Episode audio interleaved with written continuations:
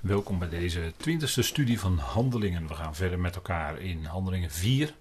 U ziet het staan, vers 27 tot en met 37. Petrus bemoedigt de Koninkrijks Ecclesia en er is gemeenschapszin. We gaan daarnaar kijken en voordat we dat gaan doen willen we eerst beginnen met gebed. Vader, we danken u dat we ook op dit moment weer een stukje uit uw woord mogen overdenken. Dank u wel dat u ons bepaalt bij het boek Handelingen waar zoveel in staat wat gebeurd is, de geschiedenis, de ontwikkeling van het evangelie van het koninkrijk, de apostelen die erop uitgingen en predikten in Jeruzalem. Vader, we danken u dat het voor ons verhelderend wordt wanneer we nauwgezet stap voor stap dat woord van u volgen en daarin de duidelijke lijn zien die getrokken wordt. Vader, we danken u dat we het van u mogen verwachten, op u mogen zien, alles uit uw hand mogen verwachten. Vader, we danken u dat u ook dit moment geeft. En mag het zijn tot uw eer, mag het zijn tot opbouw van ons geloof. En mag het, Vader, in ons hart en leven doorwerken. Vader, al deze dingen zijn ons tot voorbeeld opgeschreven, opdat we door de verwachting en de vertroosting van de schriften de vaste verwachting hebben. En dank u wel dat de gelovigen toen in Israël een zekere verwachting hadden van het koninkrijk op aarde. En dank u wel dat u ons als leden van het lichaam van Christus een andere verwachting geeft, boven, te midden van de hemelsen. Vader, we danken u voor die lijnen. We danken u dat we ook zo vandaag naar deze dingen mogen kijken. En geeft u ons daarin alle wijsheid die nodig is. Dank u wel dat we van u mogen verwachten in de machtige naam van uw geliefde Zoon, onze Heere Christus Jezus. Amen. Goed, we kijken met elkaar vers voor vers door dit uh, toch wel hele bijzondere boek. Gaan we heen met elkaar. En we gaan kijken naar Handelingen 4. En daar waren we de vorige keer ook in bezig, de vorige keren. En we gaan nu dat proberen af te ronden vandaag. En dan kijken we wat daar het overzicht van is. We hebben de vorige keer dat ook al gezien. En we zijn dus nu bezig in de versen 24 tot en met 32, het gevolg van wat Petrus en Johannes vertellen. En dan getuigen de apostelen, en dat is dan intern, vers 33, en dan het gevolg, vers 33 tot en met 37. Wat gebeurde er toen onder die gelovigen?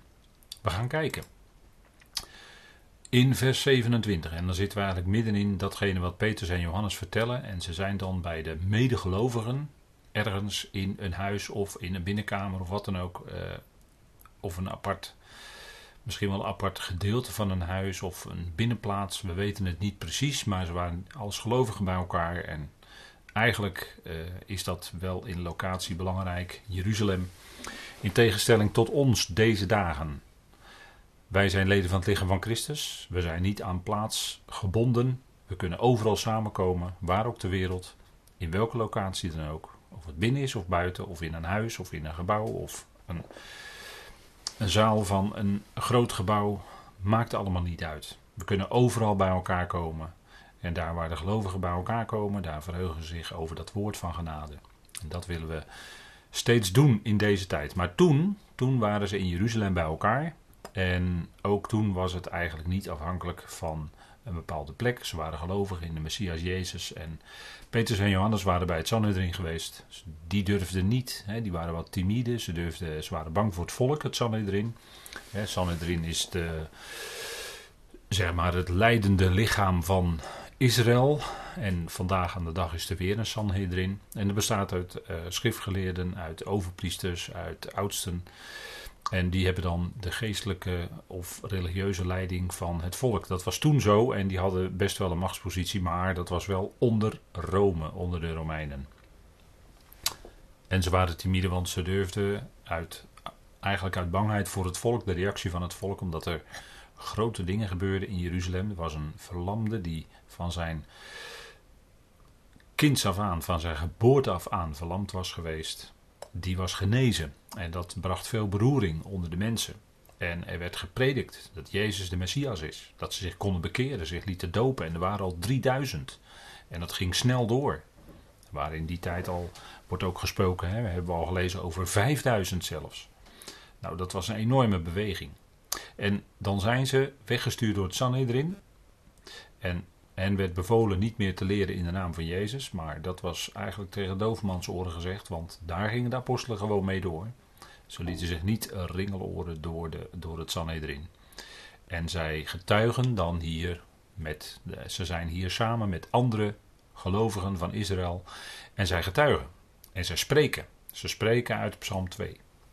En dat is wat we hier lezen in vers 27. Want naar waarheid werden in deze stad tegen uw heilige jongen Jezus, die u gezalfd hebt, zowel Herodes als Pontius Pilatus verzameld, gezamenlijk met de natieën en de volken van Israël. ze zijn hier in een gebedshouding, zou je kunnen zeggen. Zij roepen de Heer aan en citeren daarin Psalm 2. In deze stad, dat is Jeruzalem, tegen uw heilige jongen. dat is toch wel bijzonder, zo'n woord, hè, wat er dan, eh, dat dan zo liefdevol woord eigenlijk gebruikt wordt van hem, van Jezus, die u gezalfd hebt, de Christus dus. De gezalfde. Zowel Herodes, de viervorst, een Edomiet, als Pontius Pilatus, die aangesteld was namens Rome als de stadhouder, verzameld. Gezamenlijk met de natie en de volken van Israël. Pontius Pilatus vertegenwoordigde natuurlijk de volkeren, de natieën. Herodes was een Edomiet. En als zodanig ook, kon eigenlijk ook beschouwd worden als iemand van de natieën. En de volken van Israël. En die waren gezamenlijk te hoop gelopen, nog niet zo lang daarvoor, tegen de Heer Jezus zelf. En hij werd gekruisigd. Hij werd gekruisigd. Ja, dat was heel wat. En, maar hij was ook opgewekt. En daarom waren de apostelen, de discipelen, zo vol vuur en vol enthousiasme. Ze getuigden van de opgestane Christus. Dat is het getuigenis. Dat is ook wat volle inhoud geeft aan het evangelie van het koninkrijk. Zonder de opstanding van Christus zou dat eigenlijk heel weinig betekenen. Maar nu hij is opgewekt, nu hij de levende Heer is, kon hij komen. En we hebben heel kort geleden nog in openbaring daarin gelezen dat hij komt. En als hij komt en zijn voeten gaat zetten in Israël, dan komt hij als de koning van de koningen en de heer van de heren. En dan zal hij zijn koninkrijk oprichten. En dat is wat natuurlijk die gelovigen daar verwachten. En dat blijkt ook hè, uit dit gedeelte. Maar ze waren gezamenlijk te hoop gelopen. Dat was, een, dat was in Psalm 2 voorzegd.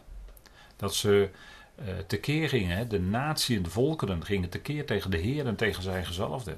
En dan zegt de Heer, ja, ik heb mijn koning gesteld over Sion. Dat is natuurlijk heel, heel nauw verbonden. Dat is bijna gelijk met Jeruzalem. Om te doen, Herodes en Pilatus, zonder het te weten, vervulden zij toch wat Gods raadbesluit was. Want dat wordt hier ook gezegd door de apostelen, om te doen al wat uw hand en uw raad tevoren bestemd had dat zou gebeuren. Een geladen tekst dit hoor.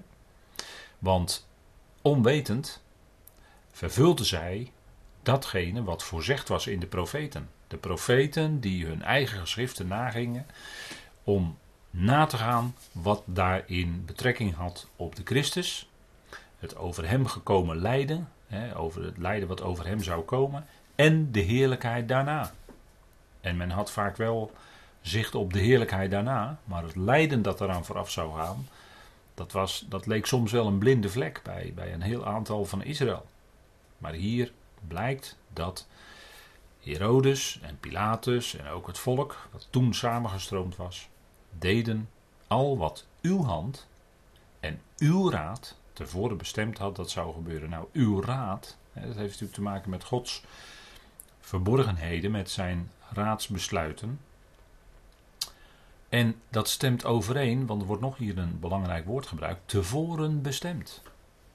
En dat is dat uh, tevoren, uh, ja, wat, wat ook van ons als gelovigen gezegd wordt. En we hebben natuurlijk een, een hele andere bestemming, maar we zijn ook, wij waren ook tevoren bestemd om gelijkvormig te worden aan het beeld van de zoon, zegt Romeinen 8. Hè. Er wordt hetzelfde woord gebruikt, dat, dat pro-orizo in het Grieks. Dat is tevoren, heeft te maken met zien, hè. tevoren doen zien.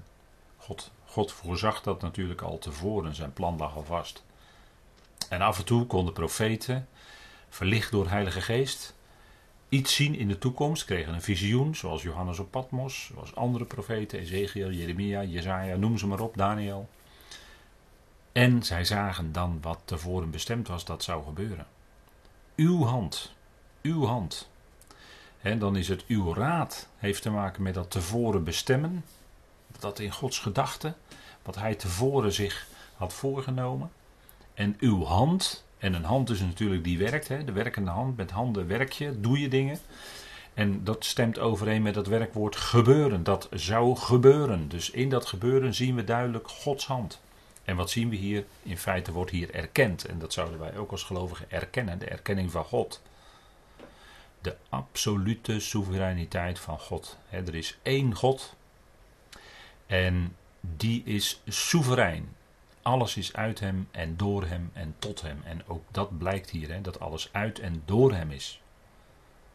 Alles is uit hem. Hij had het in zijn raadsbesluit opgenomen.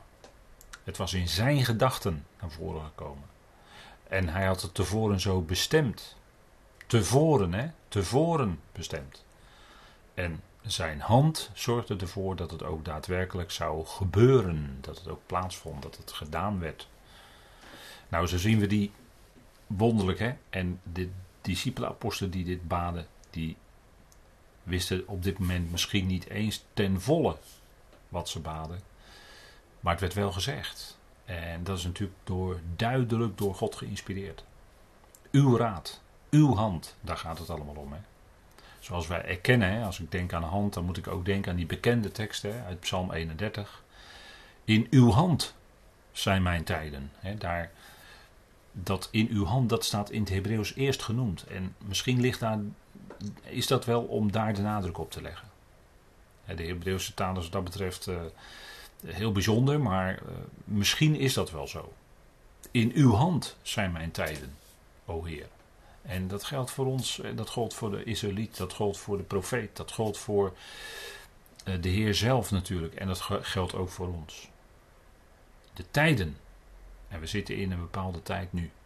Maar de tijden zijn ook in Gods hand. En onze tijden van ons persoonlijk leven is ook in zijn hand. En daarin kunnen we rusten. Daarin kunnen we hem danken dat het zo is. Ja, dat zijn denk ik toch fijne dingen uit het woord. Hè? En nu, Heer, sla acht op hun dreigingen en geef uw slaven met vrijmoedigheid heel uw woord te spreken.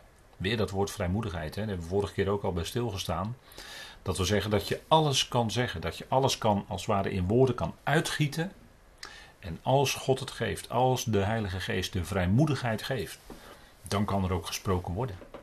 En dan kan er ook veel gezegd worden. Maar er zijn ook wel eens situaties dat je, en dat ken ik zelf, dat je voor een zaal met, uh, met mensen staat eh, of zit en dat, je, dat, je, dat het wel lijkt alsof je er niet door kan komen. En dat heeft natuurlijk te maken met uh, iets, in, iets wat dan gebeurt, iets wat dan is in de geestelijke wereld. En dan kun je ook niet alles zeggen. Dan, dan word je eigenlijk automatisch wat terughoudender.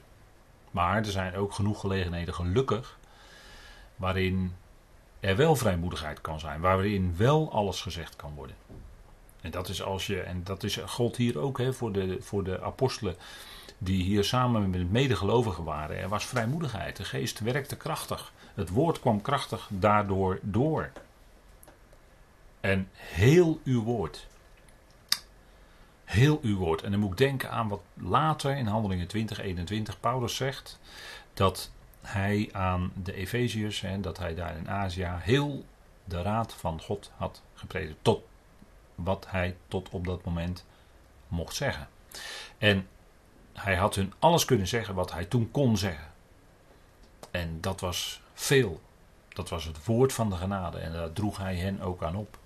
En daarin zijn wij, daarin zijn wij ook opgedragen hè, aan het woord van zijn genade.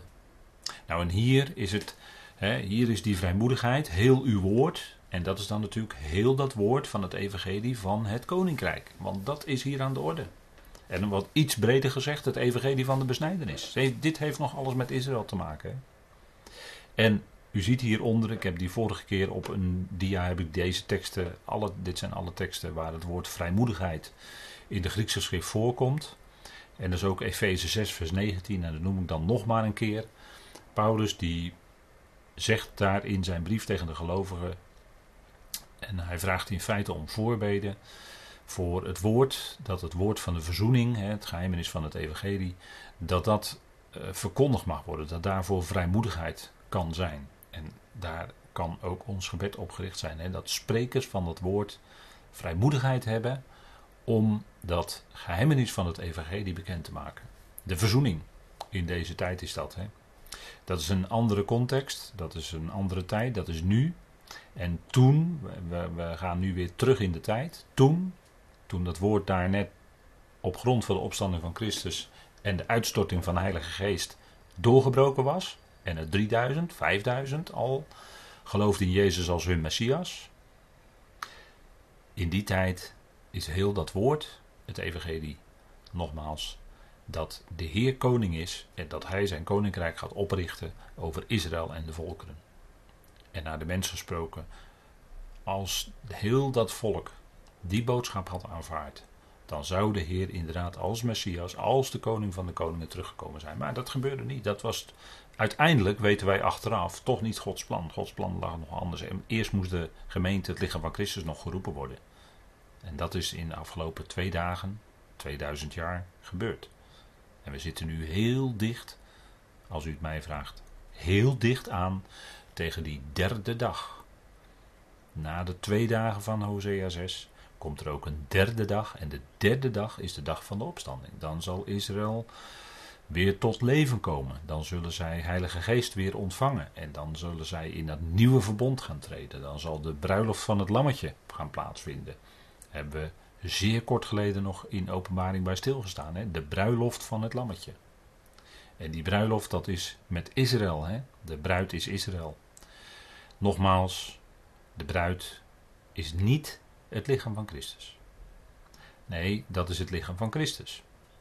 En de bruid, dat is Israël. Nergens in de schrift is er ook maar enig spoortje van bewijs dat de gemeente het lichaam van Christus ook de bruid zou zijn. Dat is absoluut onjuist als dat beweerd wordt. En men bewijst dat ook nooit, men stelt het gewoon. En dan moet je al, eigenlijk al uitkijken.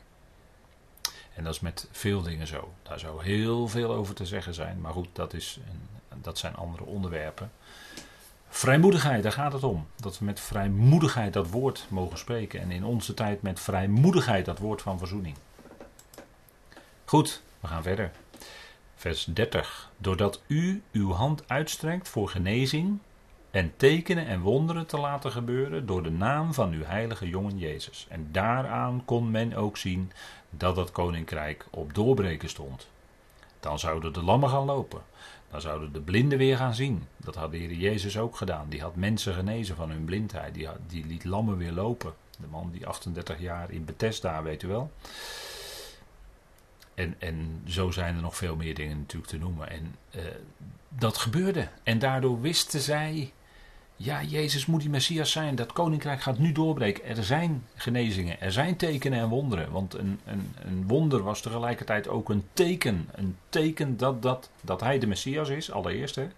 En dat hij de koning is en dat het koninkrijk op doorbreken stond.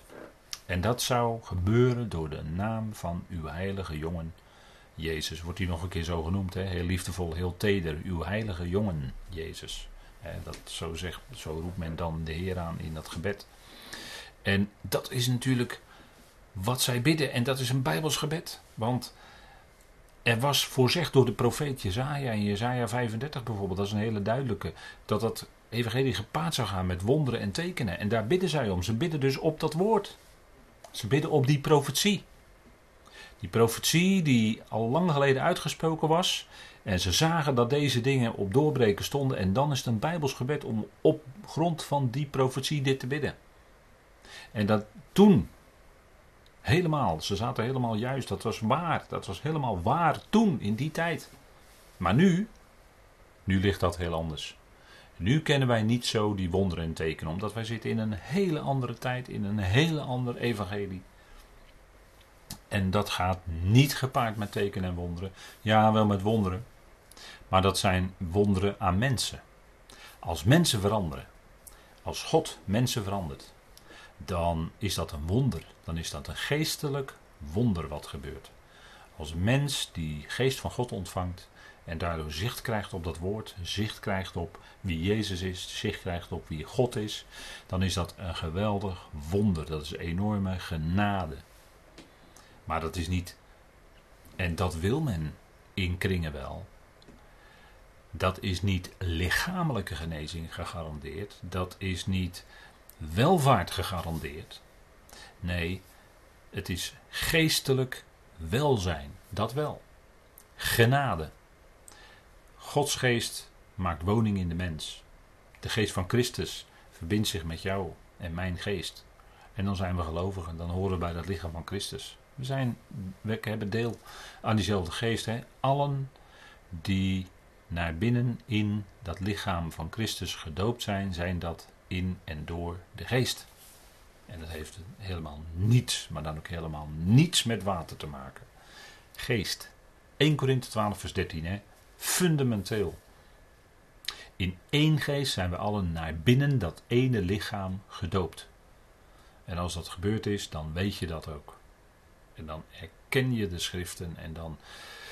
Dat, is, dat zijn allemaal gevolgen ervan. Dat hoef je niet allemaal te bewijzen en te zeggen van er moet bewijs zijn en dit en dat. Nee, je, je gelooft, je erkent de schrift. Dat is een bewijs dat God je geroepen heeft. Dat God je tevoren uitgekozen heeft en bestemd heeft. En noem alles maar op. Hè. Toen, lichamelijke tekenen en wonderen. Genezingen. Nu, geen lichamelijke tekenen en wonderen. Geen lichamelijke genezing. Maar wel wonderen in geestelijk opzicht. Dat mensen loskomen van duisternis en in het volle licht komen van het woord van God, in het volle licht komen van Hem die zei: Ik ben het licht van de wereld. Ja, dat wel, dat is een geweldig wonder, waardoor levens veranderen. Dat is wat God doet in deze tijd, hè? En dat is geweldig. Vers 31. En terwijl ze smeekten, werd de plaats waar zij verzameld waren geschokt. En ze werden gezamenlijk vervuld met de Heilige Geest. En zij spraken het woord van God met vrijmoedigheid. Opnieuw dat vrijmoedigheid. Hè? En ik constateer hier opnieuw. Kijk, zij werden gezamenlijk vervuld met de Heilige Geest. Dat gebeurde toen. Er staat dus niet dat die Heilige Geest in hem kwam, in hen kwam wonen. Dat vind je nergens in handelingen. Wel in de brieven van Paulus, maar dat is dan ook specifiek bedoeld voor de leden van het lichaam van Christus. Daar komt de Heilige Geest in wonen. Verzegeld met Heilige Geest van de belofte. Lees je ook niet in handelingen, lees je niet in de besnijdenisbrieven, maar wel bij Paulus. Verschillen hè, moet je meenemen. En die verschillen zijn uitgebreid als u de studies van de gelaten brief beluistert. En ik hoor dat regelmatig dat mensen de gelaten brief luisteren en herluisteren. En elke keer weer nieuwe dingen horen. En dat is toch een belangrijk, hele belangrijke studie geweest. Maar ook de Filippenzen, denk ik. Dat het een, een, een, fijne studie is geweest. Waarin veel op tafel kwam. En als je gelaten 2, vers 7 tot en met 10. Als je die studies luistert. En, en daar studie van maakt. Daarin worden heel veel verschillen tussen de twee evangeliën. Tussen die twee lijnen worden uiteengezet. Ik denk dat dat heel waardevol is. Als je dat volgt, dan kom je eruit met de schrift. Dan ga je zien hoe lijnen lopen. Dan ga je zien het verschil tussen de twee evangeliën. Dan ga je zien hoe zich dat uitwerkt ook in de komende eonen. En noem alles maar op. Hè. Nou, ze werden vervuld met Heilige Geest. Niet verzegeld. De Heilige Geest kwam niet in hen wonen, maar ze werden wel bij gelegenheid vervuld. En als resultaat daarvan spraken zij dat woord van God met vrijmoedigheid. Als iemand vervuld is met Heilige Geest, wat doet hij dan? Dan spreekt hij niet per se in tongen, maar dan spreekt hij dat woord van God met vrijmoedigheid. Want ook dat spreken in tongen is iets dat te maken, alles te maken had met de komst van dat koninkrijk. Met al die veranderingen die er toen plaats gingen vinden. Daarvoor was dat nodig, tijdelijk.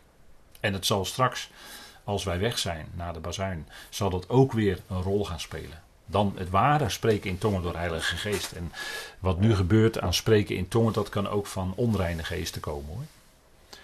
In, uh, in kringen, in occulte kringen om het zo maar te zeggen, wordt ook in tongen gesproken. Ja, u hoort het goed. Daar wordt ook in tongen gesproken, maar dat is dan naaperij van de geest van de tegenstander. Die ook mensen in staat kan stellen om in tongen te spreken, in occulte kringen. Gebeurt. En als dat dan in samenkomsten gebeurt waar onbijbelse gebeden zijn, waar onbijbelse dingen worden opgeroepen, wat gebeurt daar dan? Als daar dan in tongen gesproken wordt, waar komt dat dan vandaan? Ik weet het niet. Ik ken wel het nodige, heb ik erover gelezen.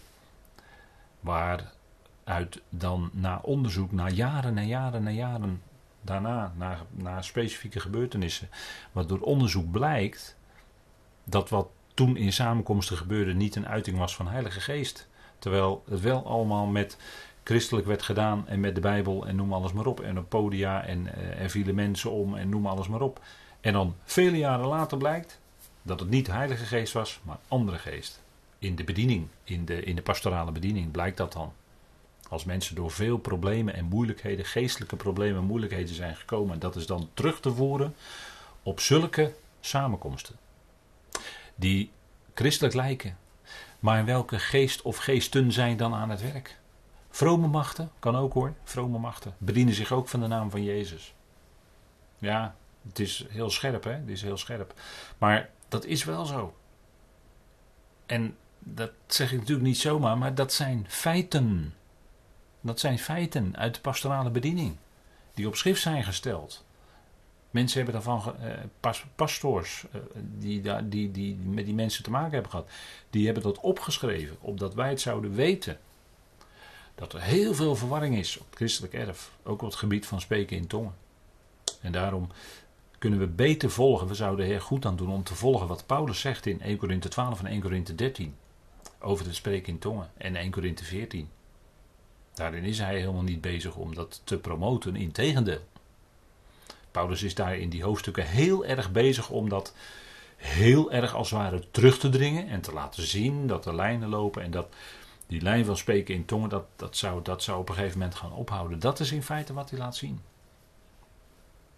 daar, daar, we zouden daar goed aan doen hoor. 1 Korinthe 12 tot en met 14, die hoofdstukken, als je die goed bestudeert, en eerlijke uitleggers hebben dat ook gezegd. Als je die goed bestudeert, dan zie je dat dat spreken in tongen een aflopende lijn is.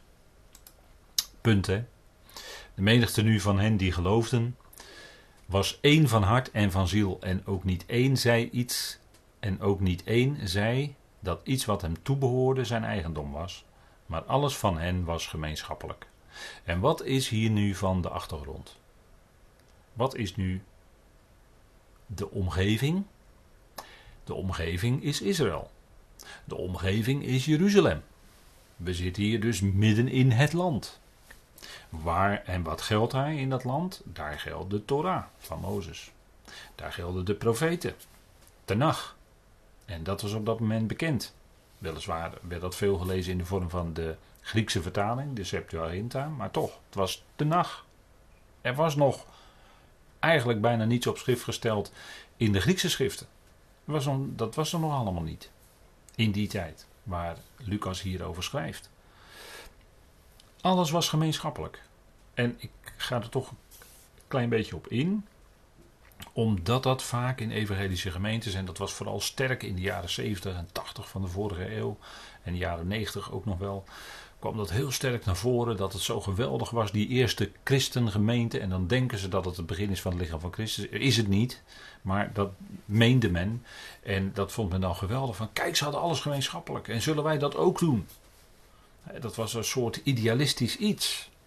Dat zou toch wel geweldig zijn. Hè? En met de gedachten natuurlijk, allemaal heel positief bedoeld, heel goed bedoeld, maar in de praktijk werkt het toch allemaal verkeerd uit. Het is gewoon ook niet vol te houden.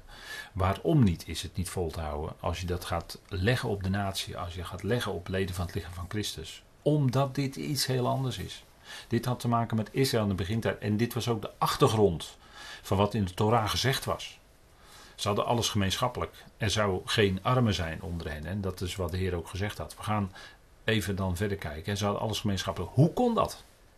Nou, allereerst, die, die koninkrijksboodschap die kwam krachtig door. Hè. Met grote kracht gaven de apostelen het getuigenis van de opstanding van Jezus Christus de Heer.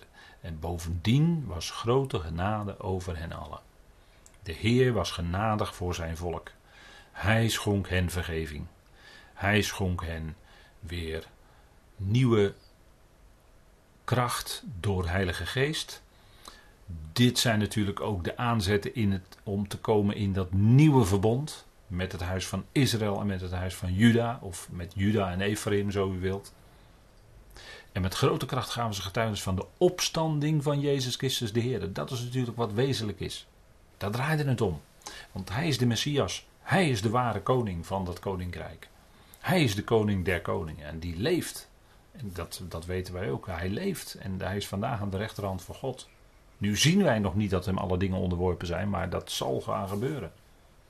In de komende eonen zal alles onder zijn voeten gaan komen. Alles. En dat is natuurlijk geweldig. Maar ze gaven grote kracht. Ze hadden grote kracht. Ze waren vervuld met Heilige Geest. Ze getuigden van de opstanding van Jezus Christus de Heer. Ze getuigden van de Heer. Dat is ook een, bewijs van de vervulling van Heilige Geest die Hem verheerlijkt. Die Vader verheerlijkt. Niet zichzelf. Bovendien was grote genade over hen allen. Het is natuurlijk een geweldige tijd. Hè. Er was veel vreugde en blijdschap. En ze hadden alles gemeenschappelijk. Ze deelden dingen met elkaar. Ook daadwerkelijk in voedsel en noem maar op. Niemand had dus tekort. Hè. Dat was natuurlijk het geweldige. En ja, dat had ook te maken met de achtergrond. En ik heb op deze dia gezet bij vers 34 van Handelingen 4. Leviticus 25, oftewel Bijbelse economie. De economie van Israël. dat is zo radicaal anders dan in onze tijd. En er staat, want evenmin was iemand behoeftig onder hen, want allen die bij degene hoorden die vrije stukken land verwierven, of huizen, verkochten die en brachten de opbrengst van hetgeen van de hand gedaan werd. En wat is nu aan de hand? Israël kende een inzetting dat ze allemaal een lotdeel kregen. Het land werd door loting verdeeld. Hè, onder Jozua, je dat allemaal teruglezen in het boek Jozua. Het land werd door loting verdeeld aan de stammen. En daarmee werd eigenlijk alles, werd eigenlijk alles verdeeld. En nu hadden de Levieten, die hadden eigen stukjes land. Dat was geregeld in de Torah. En u kunt dat lezen uitgebreid in Leviticus 25, waarin ook die bekende woorden staan, waarin de Heer zegt: Het land is van mij. Hij is de bezitter van alles. dat is in het Grieks het woord despotes, dat heeft bij ons een negatieve klank, maar dat betekent eigenlijk bezitter. De Heer is bezitter van alles. En in het, in het Tenach is dat het woord, ja, dat is ook vaak verbonden met andere dingen natuurlijk. Het woord Baal. dat, dat is het woord voor Heer, maar dat betekent eigenlijk bezitter. De Heer bezit alles. Hij is de eigenaar van het land. Hij is dus de eigenaar van ja, eigenlijk van alles van de hele wereld. Hij heeft alles geschapen. Dus de Heer is eigenaar van alle landen, van de hele wereld, van de hele aarde en van, van de hemelen, noem maar op. Daar is hij de eigenaar van, natuurlijk. Maar het gold hier specifiek voor Israël. Het land Israël was gegeven aan de Israëlieten, aan die stammen. Ze hadden allemaal een lotdeel. En daartussen vrije stukjes land die gekocht konden worden. Eventueel van de Levieten, maar de stukken land die de Levieten kregen waren eigenlijk onvervreembaar hun eigendom. Maar de rest van het land, dat, daar, daarin werd wel uh, handel bedreven in stukjes land, ook van de lotdelen. Maar in het jubeljaar, want daar spreekt Leviticus 25 ook over. In het jubeljaar, dat was elke keer in het 49ste jaar, hè, 7 keer 7 jaar, moest er een jubeljaar. Dat moest ook één keer in de 7 jaar een sabbatsjaar houden. In de praktijk deden ze dat niet hoor, want dat is nogal moeilijk. Maar de Heer had beloofd: als je het sabbatsjaar houdt, dan geef ik jullie in het zesde jaar drievoudige opbrengst. Dan heb je voor het zesde jaar voldoende, voor het zevende jaar als het land braak moet liggen en voor het achtste jaar als je weer opnieuw moet inzaaien. Dan zou de Heer driedubbel geven. Maar ze hebben dat niet in acht genomen in de praktijk. Maar goed, dat is wat anders. En de jubeljaren hebben ze ook nooit in acht genomen. Maar goed, en, er zijn ook allerlei berekeningen met jubeljaren. En dan komt men precies uit in deze tijd. Dat is dan het zoveelste jubeljaar in een hele lange reeks. En dat wil men dan ook op de afgelopen 2000 jaar leggen. Nou, ik, ik denk dat dat appels met peren vergelijken is, als u het mij vraagt. Afgelopen 2000 jaar is de tijd van de natie, is de tijd van de heidenen. En dan zouden ook jubeljaren gelden? Ik denk het niet. Maar er zijn berekeningen, hele serieuze berekeningen, en ik, twijfel niet aan de oprechtheid van mensen. Maar op grond van die berekeningen willen ze uitkomen op het jaar dat de Messias komt. En dat, dat moet dan een jubeljaar natuurlijk zijn.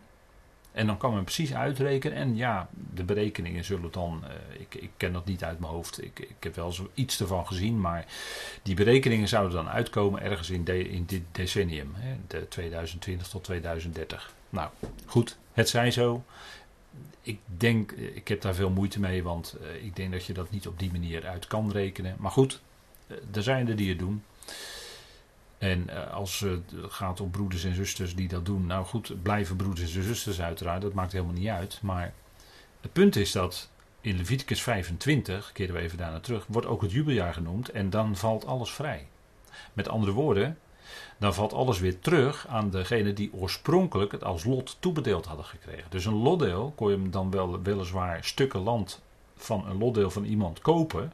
En dat kon dan verhandeld worden. Maar uiteindelijk wist je, ja, in het 49ste, 50ste jaar, dan valt het weer terug in die familie, in die stam en noem alles maar op. Dus dat kon nooit lang. En dat was natuurlijk een geweldig economisch beginsel. En daar had je ook vrije stukken land. En daar wordt hier over gesproken. Vrije stukken land, die, dat waren stukjes land die niet vielen onder lotdelen. En die konden verworven worden en verhandeld. En dat gebeurde. En hier had men dat ook gedaan. Iemand die dat ook gedaan had was bijvoorbeeld Judas. Judas, die had ook een stuk, dat, dat uh, Akeldama, u weet wel, bloedakker. En hij verhing zichzelf enzovoort. Maar de, dus daaruit bleek eigenlijk dat toen, die, toen hij zijn heer overgeleverd had voor die zilverstuk en daarmee een stuk land kocht, daarmee bleek eigenlijk ongeloof van Judas. Dat hij niet geloofde dat het koninkrijk zou komen. En het ongeloof bleek ook, want die, het Sanhedrin gaf hem die zilverstukken. Daar, daarin bleek ook, en die, en die kochten ook, het Sanhedrin kocht ook, en daar bleek ook dat het Sanhedrin niet geloofde dat het koninkrijk door zou breken. Maar deze gelovigen, die geloofden dat wel. hieruit bleek hun verwachting dat het koninkrijk aan zou breken.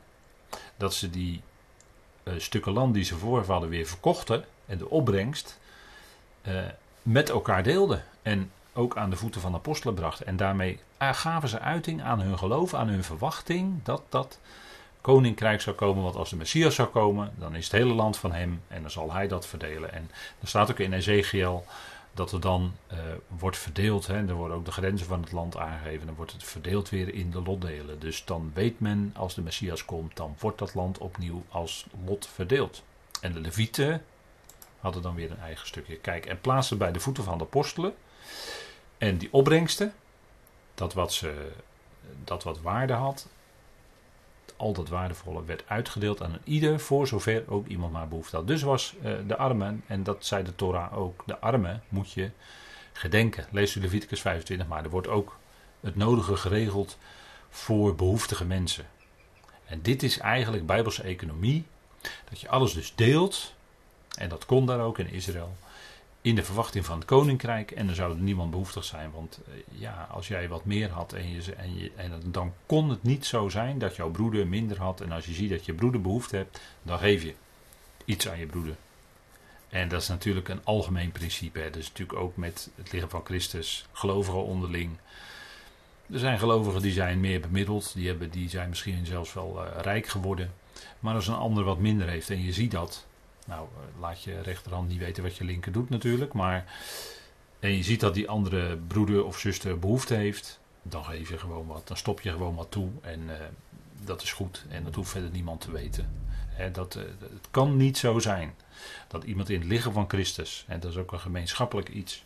Dat iemand dan behoeftig kan zijn. Nou, ten slotte, Jozef. Mooi hoor. Jozef die als Barnabas aangeroepen werd door de apostelen wat vertolkt is zoon van vertroosting, een leviet van Cyprisch geslacht.